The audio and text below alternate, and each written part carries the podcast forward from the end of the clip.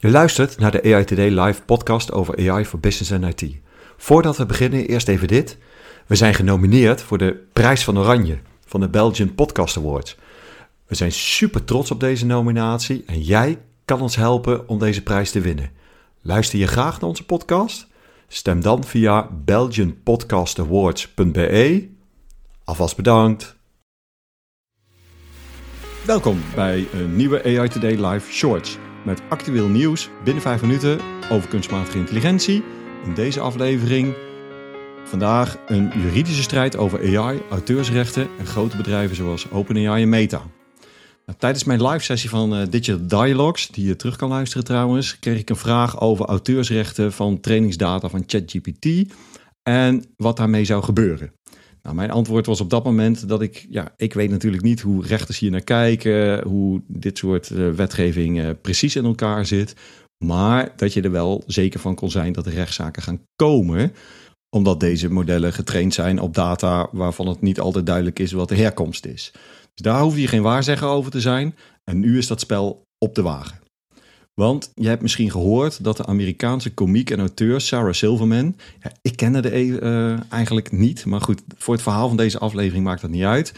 Uh, die Sarah Silverman die heeft samen met auteurs Christopher Golden en Richard Kadri, ik denk dat je dat zo uitspreekt, rechtszaken hebben aangespannen tegen OpenAI en uh, tegen de Meta, hè, Facebook wegens vermeende inbreuk op het auteursrecht. Ze beweren dat de AI-modellen die ze hebben, uh, zijn, die, die zijn ontwikkeld, dat hun werk zonder toestemming is gebruikt als onderdeel van hun trainingsgegevens. En zij beweren dat hun boeken die zij geschreven hebben, dat dat onderdeel is geworden van die dataset, van de trainingsdata. Uh, en dat is beschermd materiaal. En dat is dan zonder toestemming gebruikt. Nou, zelf fotografeer ik graag en staan er in ieder geval heel veel foto's van mij op internet. Uh, allemaal met duidelijke auteursrechten. En toch vond ik heel eenvoudig met een website, dat heet Have I Been Trained. Uh, kan je nakijken of mijn foto, of die ook onderdeel uitmaakt van beelddatasets die bijvoorbeeld ook gebruikt worden uh, voor het trainen van dit soort modellen. Zoals Stable Diffusion of Imagine van Google. Nou, met deze ja, search engine zou je het kunnen noemen, vond ik heel snel foto's die ik zelf gemaakt heb. Die inderdaad als onderdeel zijn geweest voor de training van dit soort grote modellen. Nou, niet alleen uh, OpenAI als maker van ChatGPT wordt hiervan beschuldigd. Ook Meta zit in hetzelfde schuitje. En die wordt beschuldigd van het gebruik van auteursrechtelijk beschermde werken voor uh, zijn taalmodellen Lama. de rechtszaak die, die deze drie mensen hebben aangespand, beweert dat Meta toegang heeft gekregen tot beschermde boeken via zogenaamde uh, ja, shadow libraries noemen ze dat. Hè? Dus dat zijn dan natuurlijk bronnen, we kennen het wel, waarbij je uh, illegale content uiteindelijk kan, uh, kan vinden. En als reactie op de toenemende zorgen heeft zelfs de CEO van OpenAI, Sam Altman, een mogelijke oplossing voorgesteld al.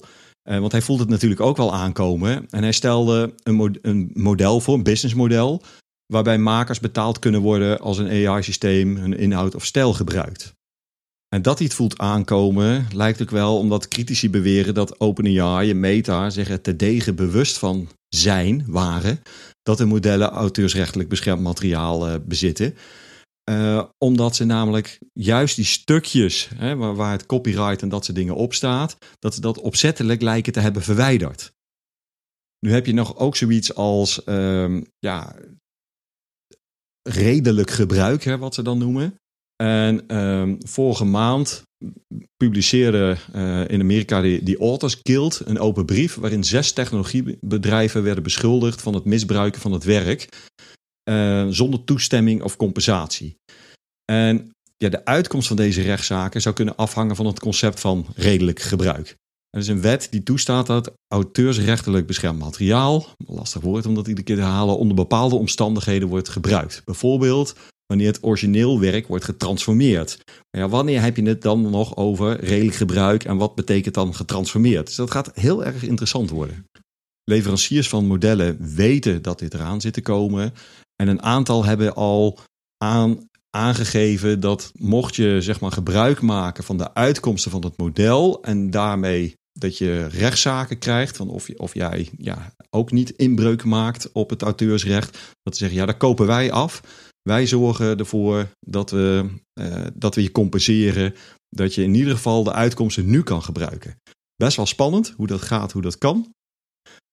In ieder geval goed om dit in de gaten te houden als je gebruik wil gaan maken van dit soort modellen in productie.